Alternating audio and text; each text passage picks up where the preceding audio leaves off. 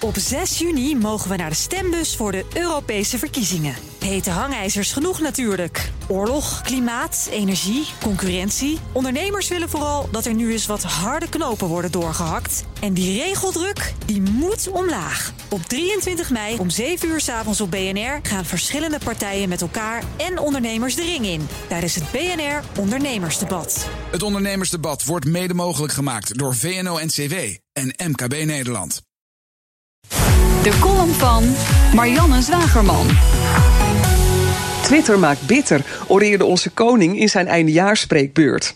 Nou Willem, mijn best gelezen tweet scoorde vorig jaar 250.000 views per stuk. Twitter maakt helemaal niet bitter. Twitter biedt één pitters een bereik zo groot als een dagblad... voor dingen die je niet of nauwelijks in de krant leest. 2018 wordt het jaar van de comeback van Twitter, meldde BNR laatst. De koers van het sociale netwerk vloog omhoog nadat JP Morgan het koersdoel bijstelde. Bovendien waren er overnamegeruchten en sloot Twitter diverse omstreden accounts. Toch wordt 2018 niet het jaar van Twitter, maar het jaar van het feit. Het jaar waarin het begrip feit een andere connotatie zal krijgen. We zijn daarin een jaar op achterstand gezet door Kellyanne Conway, de adviseur van Trump, die vorig jaar het begrip alternative facts introduceerde. Ze werd weggehoond. Het werd uitgelegd als de foldertekst van een tweedehands autoverkoper. Maar intussen heeft de nieuwsavvy consument al lang door dat er vaak aanvullende feiten zijn. Een mooi voorbeeld daarvan stond het weekend in het FD in een interview met hoogleraar Paul Scheffer. Hij vertelt hoe de Duitse krant Die Zeit hem interviewde over het vluchtelingenbeleid van Angela Merkel. Een thema dat hij persoonlijk met Merkel besprak. Tot twee keer toe veranderde de krant het stuk en sloopte de redactie alle kritische noten over Merkel eruit. De Duitse journalistiek stond in grote meerderheid ten dienste van de vluchtelingenpolitiek van Merkel, zegt Scheffer. Nieuwsbedrijven komen daar niet meer mee weg. De manier waarop mensen nieuws vergaren en interpreteren is dankzij sociale media definitief veranderd. Het wantrouwen van de media door consumenten wordt vaak als iets bedreigends gezien. Maar het is naar mijn idee een mooie innovatiekans.